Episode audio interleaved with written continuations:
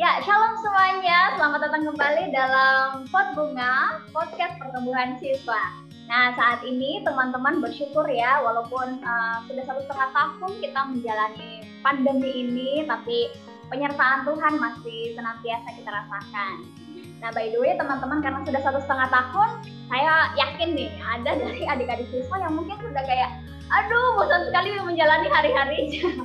Atau misalnya sudah stres, sudah ada di tingkat stres ya karena mungkin uh, sistem sekarang, sistem pendidikan sekarang ataupun uh, sulit bersosialisasi membuat kita stres.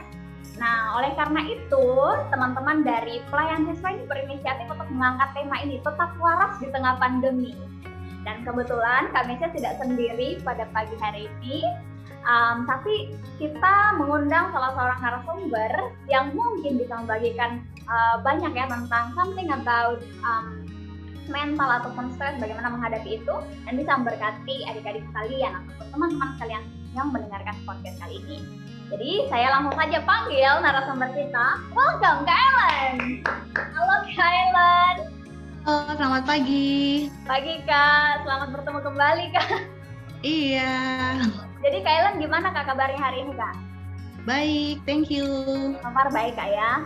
Nah, Kak Ellen karena kan tema kita hari ini uh, adalah tetap waris tengah pandemi kak ya. Nanti hmm. sebelum banyak ngobrol itu, boleh nggak kak Ellen uh, perkenalkan dirinya dulu kak? Jadi adik-adik kita bisa tahu nih. Oke, okay. nah kenalkan nama saya Ellen. Saya juga merupakan alumni dari Perkantas Makassar ya, pernah melayani juga di Perkantas Makassar.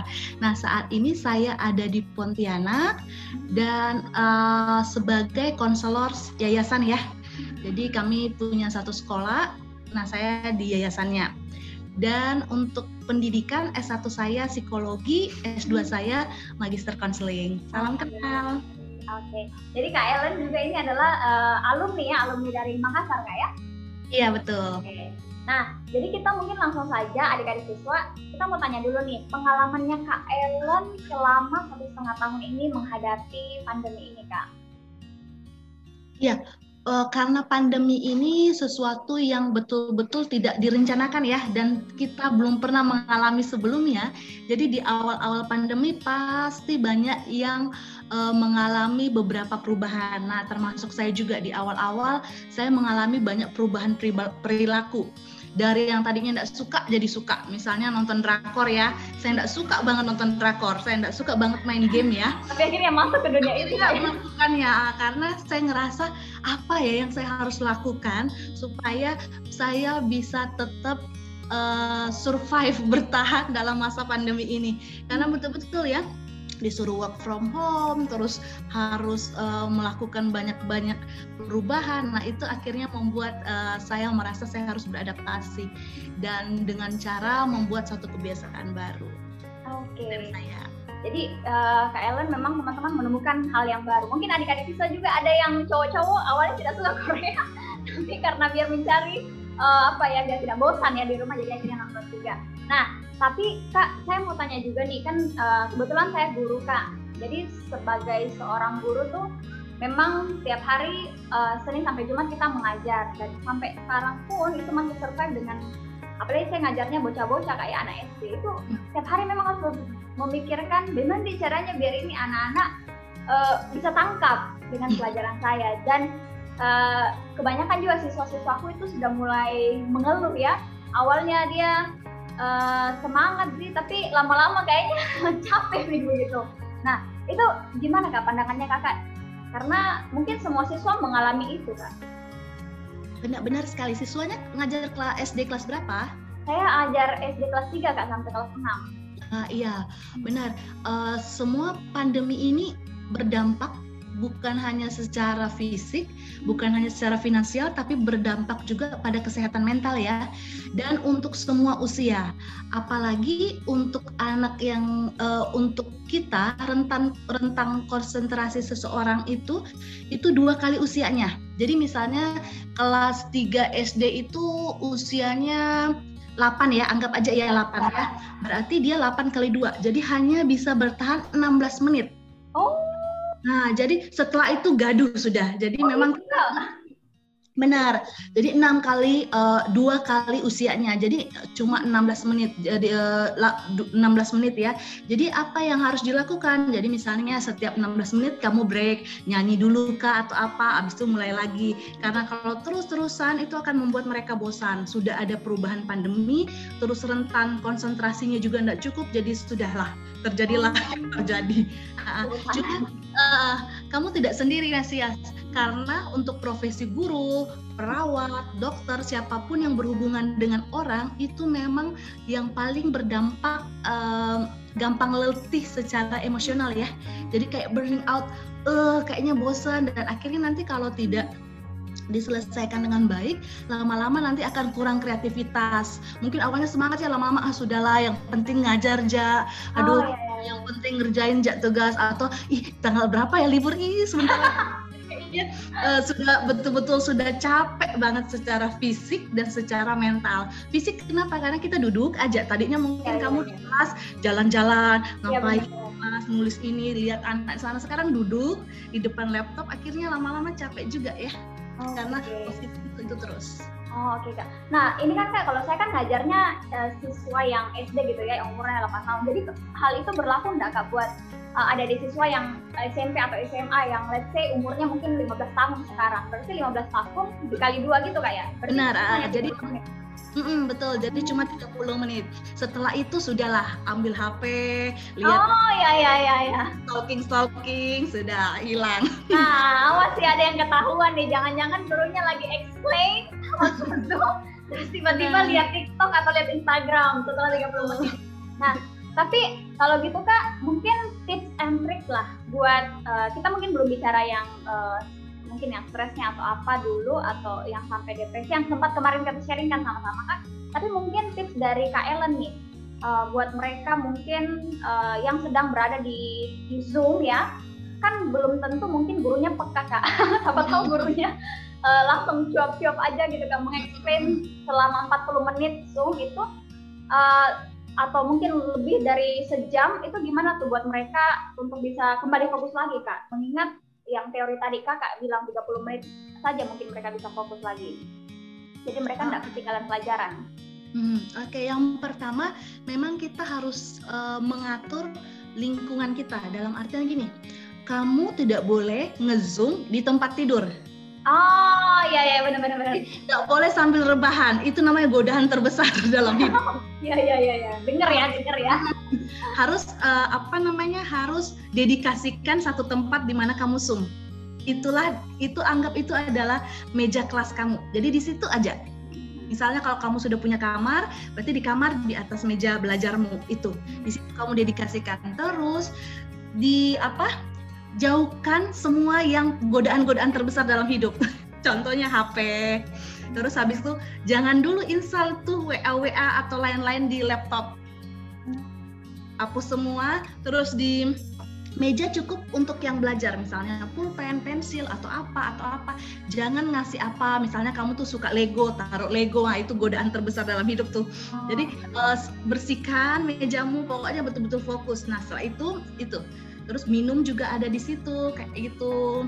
Kalau misalnya boleh sambil nyemil boleh nyemil juga. Kalau memang betul-betul bosan ya kalau misalnya ada beberapa guru yang memperbolehkan boleh. Kalau misalnya memang tidak boleh berarti nanti pas break. Kayak gitu. Jadi uh, selalu fokus pada ini fokus pada jamnya. Dan memang mengatur uh, mengatur ini mengatur ruangan itu sangat penting. Jadi misalnya kamu tuh suka uh, K-pop. Nah jadi kamu aturlah ruangan uh, apa kamarmu itu jadi K-pop jadi kamu membuat kamu semangat. Tapi di meja belajarmu jangan kosong banget. Jadi memang untuk fokus. Karena kita gampang teralihkan. Ya, apalagi ya. untuk satu, uh, beberapa tipe kepribadian tertentu itu gampang banget teralihkan ya. Bunyi ada notif langsung pegang HP oh iya iya iya ya. saya kayaknya itu. Jadi kalau bisa HP-nya dijauhin dulu Oh oke okay, oke. Okay. Berarti memang adik-adik siswa poin paling penting ketika kita mau belajar itu harus meniatkan untuk wah saya mau fokus nih, mau fokus terus udah itu ya paling penting menyiapkan posisi yang um, memang strategi untuk kita uh, belajar tapi juga tetap nyaman ya kak. Betul. Tapi jangan sampai juga pilih tempat tidur ya misalnya di ya, ya. Enggak, enggak, enggak banget. Jangan jangan banget uh, ngezoom di tempat tidur bawa laptop atau bawa HP di tempat tidur. Awalnya ah ini kan saya nyaman. Iya nanti terlalu nyaman.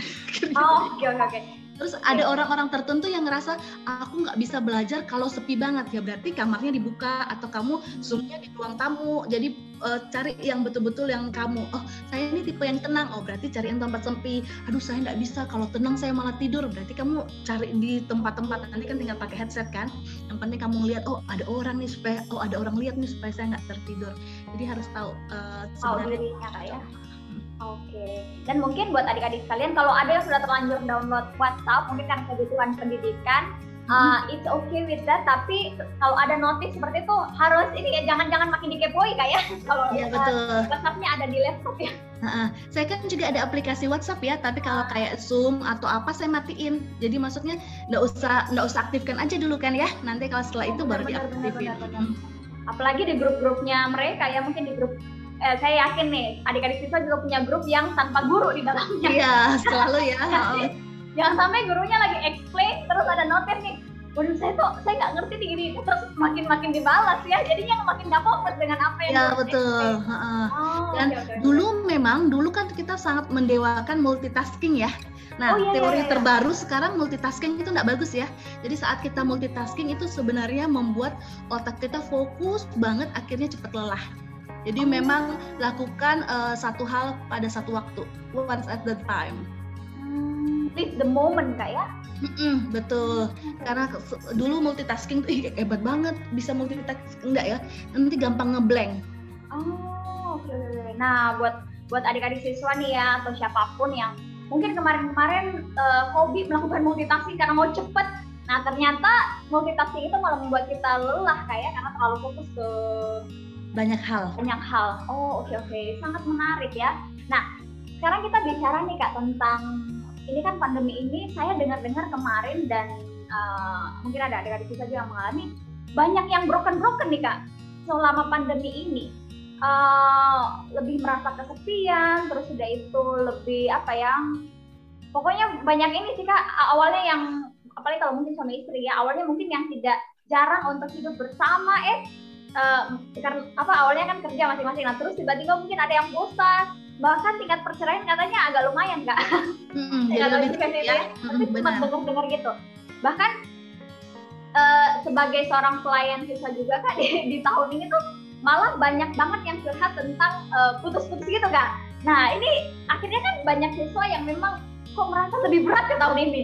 Mungkin awalnya mungkin sebelumnya adik-adik siswa yang sempat curhat tentang putus cinta uh, mungkin tidak mungkin sakit sih ya tapi uh, cepat terobati. Nah sekarang tuh rasanya kalau mereka curhat lama banget terobati. Nah itu gimana tuh kak? Apakah sudah mulai stres atau gimana tuh kak? Ya benar ya. Pandemi ini membuat kita banyak berubah ya. Uh, banyak berubah. Jadi pandemi ini kadang membuat kita mempunyai banyak sekali pikiran negatif. Jadi pikiran oh. negatif yang nggak kepikiran muncul aja. Terus akhirnya berdampak kepada kita punya perasaan yang negatif dan hmm. akhirnya membuat kita mempunyai uh, tindakan yang negatif. Jadi misalnya kayak gini ya, misalnya kenapa banyak yang putus, kenapa banyak yang cerai karena kita tuh punya pikiran negatif terhadap orang-orang terdekat kita. Misalnya, ikut tidak dibalas dulu, ya iya, iya, iya.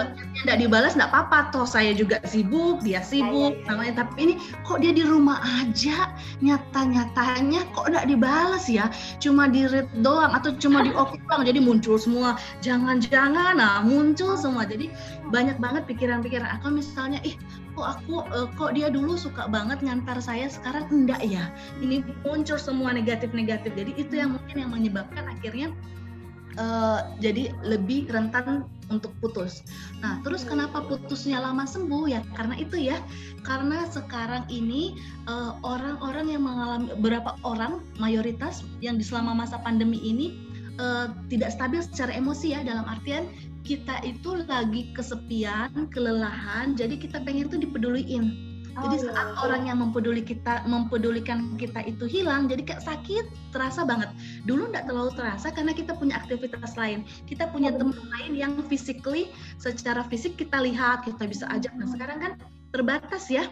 Iya kak. Pun bisa paling ini, jadi pokoknya terbatas lah aktivitas kita. Jadi akhirnya kita jadi ngerasa oh benar-benar ya kok saya betul-betul sendiri ya ternyata kayak gitu ya uh, tapi ini selalu saya bilang it's okay not to be okay ya yeah, yeah. ada film itu ya film Korea yeah, ya, film Korea nonton uh, it's okay not to be okay jadi kalau kamu merasa stres pada masa pandemi tidak apa-apa. Kenapa? Karena stres adalah reaksi normal pada kondisi abnormal saat ini orang bilang ini new normal atau apa, tapi ini kondisi abnormal. Tidak ada orang satupun yang dipersiapkan untuk kondisi hmm. ini.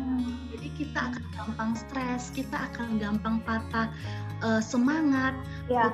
asa, merasa tidak berdaya. Nah, di masa pandemi semua perasaan itu muncul. Hmm. Nah, jadi memang uh, kita jangan sampai merasa uh, kita yang paling tersakiti mungkin kali kak ya. Hmm. Uh, Atau gimana tuh?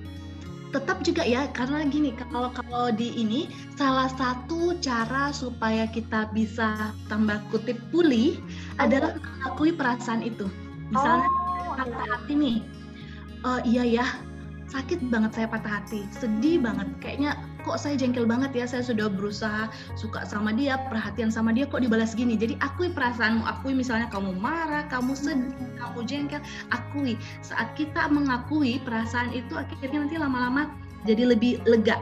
Karena kadang-kadang kalau kita menutupi perasaan kita, nah itu akan keluar dalam berbagai bentuk yang lain. Misalnya jadi kita jadi sensitifan, apa, atau akhirnya kita belum pulih benar sebelum kita mencari pasangan yang baru ya. Okay. Jadi pentingnya mengakui perasaan. Jadi kalaupun merasa iko saya yang orang yang paling tersakiti tidak apa-apa.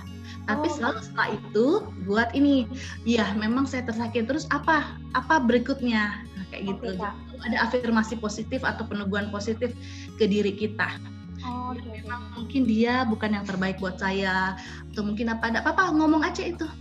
Oke, okay. nah berarti uh, yang kutangkap Pak, walaupun memang uh, sekarang ini kita mengalami masa yang berat uh, pandemi ini, uh, terus misalnya ada nih yang sama-sama putus gitu kan ya di masa yang sama. Jadi jangan juga kita um, mengatakan oh semua orang mengalami itu kok gitu ya karena jangan sampai kita mendenial diri kita ya yang sedang tersakiti hmm. sekarang jadi akhirnya lama sembuh ya benar lama sembuh jadi kalau ada yang ganggu-ganggu eh langsung ini banget jadi marah banget oke.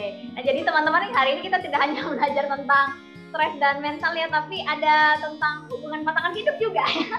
Jadi semoga banyak bidang yang bisa kita tentu hari ini dan boleh berkati Nah, by the way kak, tadi kan kita banyak bicara tentang uh, stres atau uh, sakit hati atau, dan membuat kita ya sakit lah ya.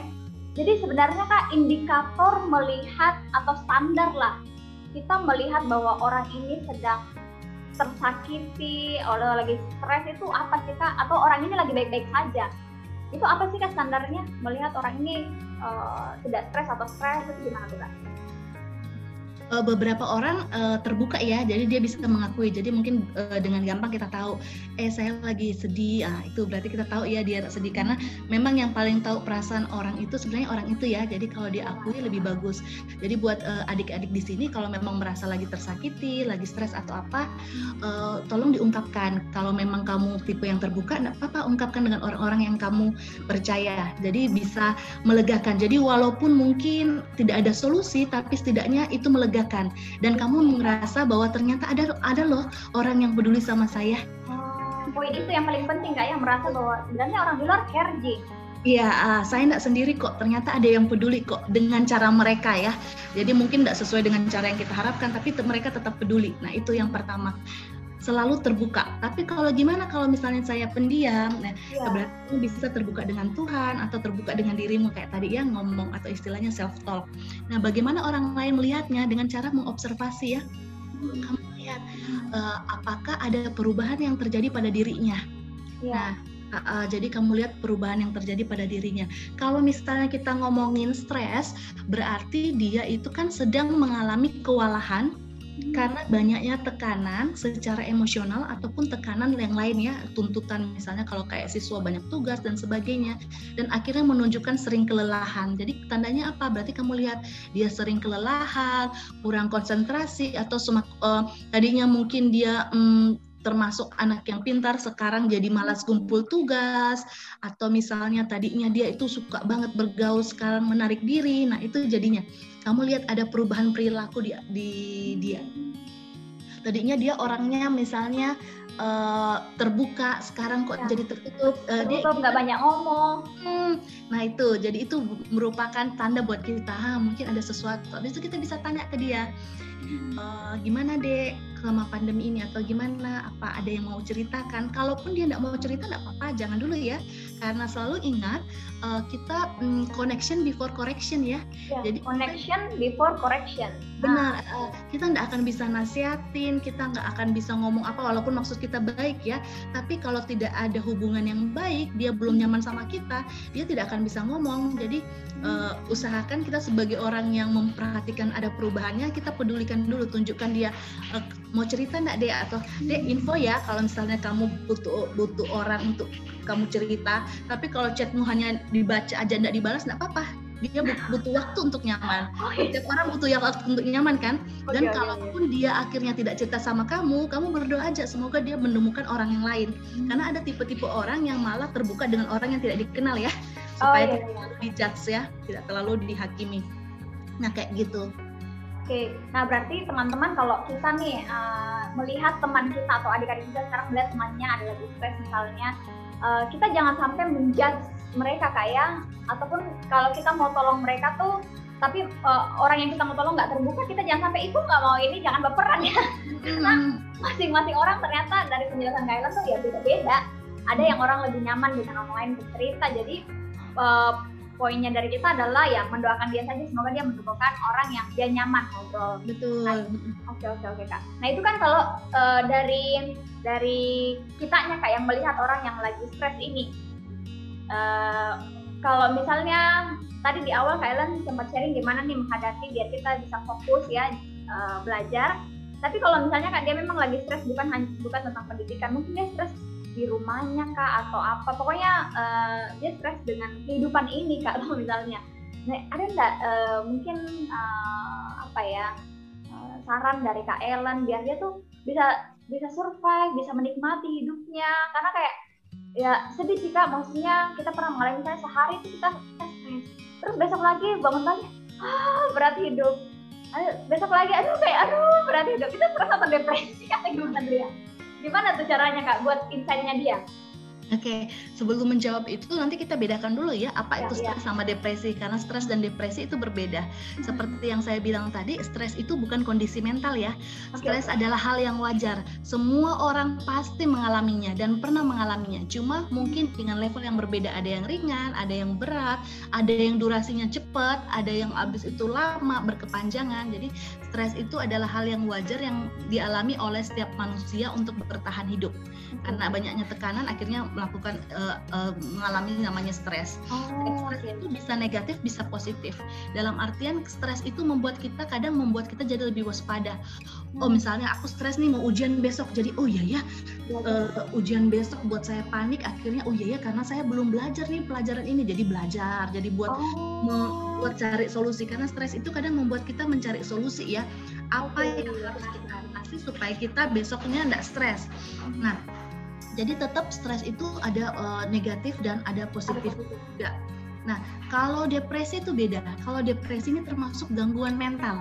Jadi hmm. termasuk gangguan mental di mana sepanjang hari mayoritas dia mengalami uh, mood yang rendah, suasana hati yang rendah banget. Bukan hanya aduh sedih. Bukan ya rendah banget serendah-rendahnya. Jadi dia merasa tidak tertarik lagi dengan hal-hal yang dia tertariki. Terus dia menarik diri. Terus habis itu dia ada keinginan untuk uh, berpikir akan kematian kayak gitu ya. Ada perasaan bersalah. Nah itu itu depresi. Jadi teman-teman kalau mau lihat contohnya bisa dibuka di satu Raja-Raja 19 soal Nabi Elia ya.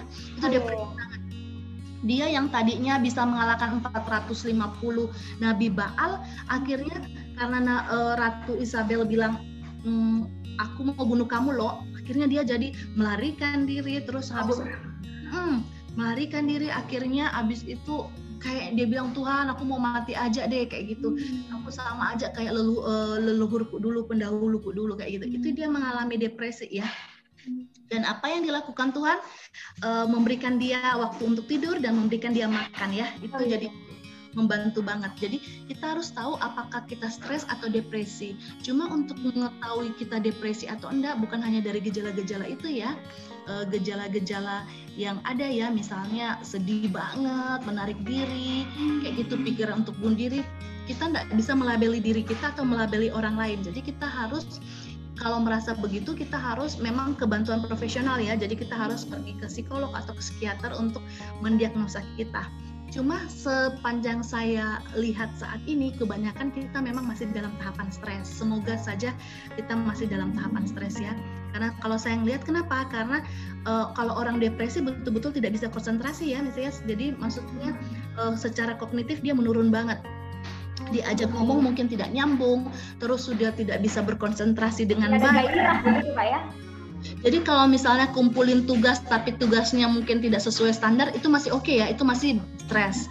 Tapi kalau misalnya betul-betul tidak bisa ngapa-ngapain, tidak memperhatikan penampilan, pola tidur dan pola makannya betul-betul terganggu, jadi bukan enggak, uh, eh, bukan uh, bukan karena makanan yang tidak enak, bukan karena ada sesuatu yang dia kerjakan jadi tidak bisa tidur, tapi betul-betul tanpa alasan dia betul-betul tidak bisa tidur dan tidak bisa makan, hilang selera makan. Nah itu baru depresi. Tapi memang harus pergi ke bantuan profesional. Nah jadi yang kita bahas mungkin yang mengenai stresnya ya, bagaimana cara mengatasinya? Uh, yang pertama, saya suka dengan uh, akronim ya, singkatan-singkatan. Nah, ya. 3S 1P tiga S satu P oh ya betul. Ya satu S yang pertama itu self care self care oke. Okay. ya, orang biasa bilang me time ya. Jadi self care itu apa? Melakukan kegiatan yang menyenangkan hatimu untuk merawat diri kamu. Oh, kenapa? okay. uh, karena kadang-kadang kita tidak akan bisa optimal mengerjakan apa yang kita lakukan kalau kita mengalami kekeringan ya Iya, iya, iya. ini gelas ini. Kalau misalnya kita kerja terus e, melakukan peran kita, terus nolong, terus apalagi misalnya kayak pelayanan, dengarkan terus curhat adik-adik, lama-lama habis kosong. Nah jadinya pentingnya self care itu ngasih air lagi supaya botol kita penuh lagi dan kita bisa maksimal lagi orang di orang lain lagi kayak gitu ya. Jadi self care isn't selfish ya. Jadi self care itu bukan egois ya, tapi bagaimana kita merawat diri kita supaya kita bisa betul-betul maksimal membantu orang lain dan menjalankan peran kita. Jadi kegiatan apa? Pokoknya bebas kegiatan apa pun yang menyenangkan. suka ya. Benar Cuma uh, usahakan balance, seimbang, seimbang untuk tubuh, kegiatan untuk tubuh, kegiatan untuk pikiran, kegiatan untuk perasaan dan kegiatan untuk jiwa. Contohnya tubuh apa? Olahraga, oh. misalnya merawat, apa menanam. Kan sering sekarang ya menanam ya, banyak bunga-bunga sekarang ngetren. Sejak pandemi banyak yang langsung suka tanam-tanam ya. Bener, masak resep baru kemarin ada dalgona and the gang-nya, ah. jadi cool banget. Atau mandi lama aja, mijit nah, itu aromaterapi. Nah misalnya kalau pikiran apa? Misalnya ikut webinar dengan pot bunga kalian ini. Terus abis itu lihat video-video ih aku suka banget loh kak tentang kecantikan. Nggak apa-apa lihat tuh YouTube tutorial apa tutorial uh, membuat shading. Nah, misalnya nggak apa-apa jadi mungkin itu yang kalian suka ya. Baru nonton eh, hal-hal uh, yang menarik hati kamu terus relaksasi atau diem aja memperhatikan sekeliling itu juga bagus untuk jiwa eh, untuk uh, pikiran terus perasaan apa? Curhat. Menangis. Itu penting juga ya. Hmm. terus video callan. kak ya? Hmm, apa-apa. Video callan. Jadi kembali lagi ya kenapa it's okay untuk cry? Supaya tidak denial your ini ya your feeling ya. Tidak uh, apa? Mm, mengabaikan perasaanmu. Uh, video callan sama teman. Terus memaafkan diri. Kadang-kadang kita kan uh, tanda kutip sangat keras banget sama diri kita ya. Jadi tidak apa-apa memaafkan diri kita yang mungkin tanpa sengaja melukai orang lain misalnya. Terus kalau jiwa apa? Jiwa ini lebih ke spiritual, dengarkan hmm. musik rohani kayak gitu, beribadah. Jadi lakukan kegiatan yang menyenangkan hatimu. Jadi setiap orang beda-beda ya. Jadi kamu ya. misalnya kalau misalnya Mesias, Mesias suka apa? Kalau misalnya untuk menyenangkan hatimu, kegiatan yang buat kamu happy? Kalau saya sih kak pergi keluar sih. Nah, Tapi kan sulit ya keluar sekarang. Dan semenjak pandemi ini saya menemukan saya ternyata suka melukis-melukis kak. Jadi itu yang baru saya temukan sekarang. Nah itu betul ya. Jadi Mm, jadi melukis-lukis ya, nah itu. Uh, jadi dan biasa usahakan tadi seimbang untuk keempat aspek itu dan kalau bisa yang aktif ya, yang keluar oh. keringat. Hmm. Oh, gitu gitu gitu. Hmm, bagus sebenarnya nonton drakor, tapi kalau nonton drakor terus rebahan terus, nah jadi kalau bisa sering uh, keluar juga aktif, jadi kena matahari. Iya iya ya, benar. Ingat, nah itu bagus banget. Kenapa? Karena itu sangat menstimulus hormon ya, hormon endorfin, serotonin, hormon dopamin yang sangat bagus banget untuk kesehatan mental kita. Oh, oke oke. Yang kedua, S ah, kedua. kedua itu support system. Jadi support system ya, oke. Okay. Kita sangat kita manusia dalam makhluk sosial ya. Jadi kita sangat membutuhkan orang maupun orang itu banyak atau sedikit ya. Kalau kita sukanya eh, nggak uh, terlalu suka banyak orang nggak apa-apa cukup satu orang. Atau kalau misalnya kita yang suka yang ramai banyak ini. Jadi kita mm, butuh sahabat, keluarga supaya kita tahu kita tidak sendiri lagi ya. Ya kak. Mm, jadi uh, ki, jadi teman-teman bisa menjadi support system yang baik buat orang lain dan orang lain juga nanti buat support system yang baik juga kita ya. Oke. Okay. Terus yang ketiga itu self talk. Tadi kita sudah ngomong di depan ya, iya, iya. ngomong dengan diri sendiri ya. Jadi itu bagus banget untuk uh, orang yang sedang lagi stres atau keletihan secara uh, mental apa kita ngomong sama diri abis itu ih aku capek loh aku kok marah ya untuk hal-hal hmm. kecil kayak gitu abis itu bilang nggak apa-apa kok kamu marah tapi mungkin besok uh, kamu bisa jadi lebih yang baik lagi kayak gitu jadi selalu, selalu ada kasih afirmasi, ya? mm -mm, afirmasi positif buat diri jadi kita supaya kita tidak merasa terlalu direndah tapi kita ngangkat oh wajar kok hal itu terjadi kayak gitu ya. Yang satu P adalah pray berdoa. Berdoa. Hmm. Kadang-kadang kita menganggap uh, doa itu untuk hal-hal yang rohani banget. Misalnya berdoa untuk bangsa dan negara, berdoa, kalau mau ada kebaktian dimulai, berdoa untuk kalau ujian, kayaknya sesuatu oh, yang okay. Padahal Tuhan tidak bilang gitu loh. Tuhan bilang berdoalah untuk segala hal ya di Filipi itu. Ya, ya, ya. Segala hal dalam kekhawatiranmu, dalam doa dan ucapan syukur. Jadi kita susah tidur pun kita berdoa. Saya selalu gitu ya. Oh, sudah pakai apa-apa, ternyata saya ingat, oh iya ya, satu hal jalan yang uh, terbaik yang belum saya lakukan yaitu berdoa. Tuhan kok saya susah banget ya tidur, padahal saya ngantuk banget. Bantu saya Tuhan supaya saya bisa tidur. Amin. Kayak gitu. Jadi memang doa itu penting banget saat kita sudah betul-betul ini ternyata ada satu hak atau satu jalan yang terbaik yang tidak yang kita lupakan itu dengan doa. Jadi tiga empat hal itu ya uh, berarti self uh, self care support system betul self talk mm-hmm. pray ya, betul. Itu apa lihat adik-adik siswa ya jadi bisa dilakukan nanti. Mm-hmm. oh oke okay, kak karena ada juga nih kak orang yang tipe-tipenya mungkin berat itu sesuatu baru mau berdoa. Mm, betul betul. Yeah. jadi mm, harusnya uh, apa uh, mungkin kita bukan tipe orang yang rohaniawan banget tapi memang uh, ada hal yang memang kalau uh, kita merasa ada hal yang ganjal gitu ya let's start with pray first Iya betul. Uh, oh oke okay, oke. Okay. Mm, jadi uh, betul-betul menjadikan Tuhan itu kayak sahabat buat kita. Jadi hmm, benar, benar. Uh, misalnya patah hati kan kan kita bilang, aduh Tuhan, anu enggak ya malu nih ngomong-ngomong soal patah hati tanpa kita sadari ya. Yeah, Karena enggak yeah, apa-apa yeah. ngomong aja, Tuhan kok saya sedih banget ya ditinggalin sama dia kayak gitu ngomong. Mm -mm, itu sangat ini jadi jangan sampai ada pemikiran nih di adik-adik itu nah yang berdoa-berdoa itu untuk anu model yang yang aktif-aktif pengurus atau apa atau hmm. uh, rohaniawan atau siapa lah. Kita jangan maksudnya no we have maksudnya semua orang itu punya hak untuk berdoa kepada Tuhan kayak. Hmm, betul. Nah sekarang mungkin um, terakhir kali ya yang yang uh, saya mau tanyakan kepada Kak Ellen nih.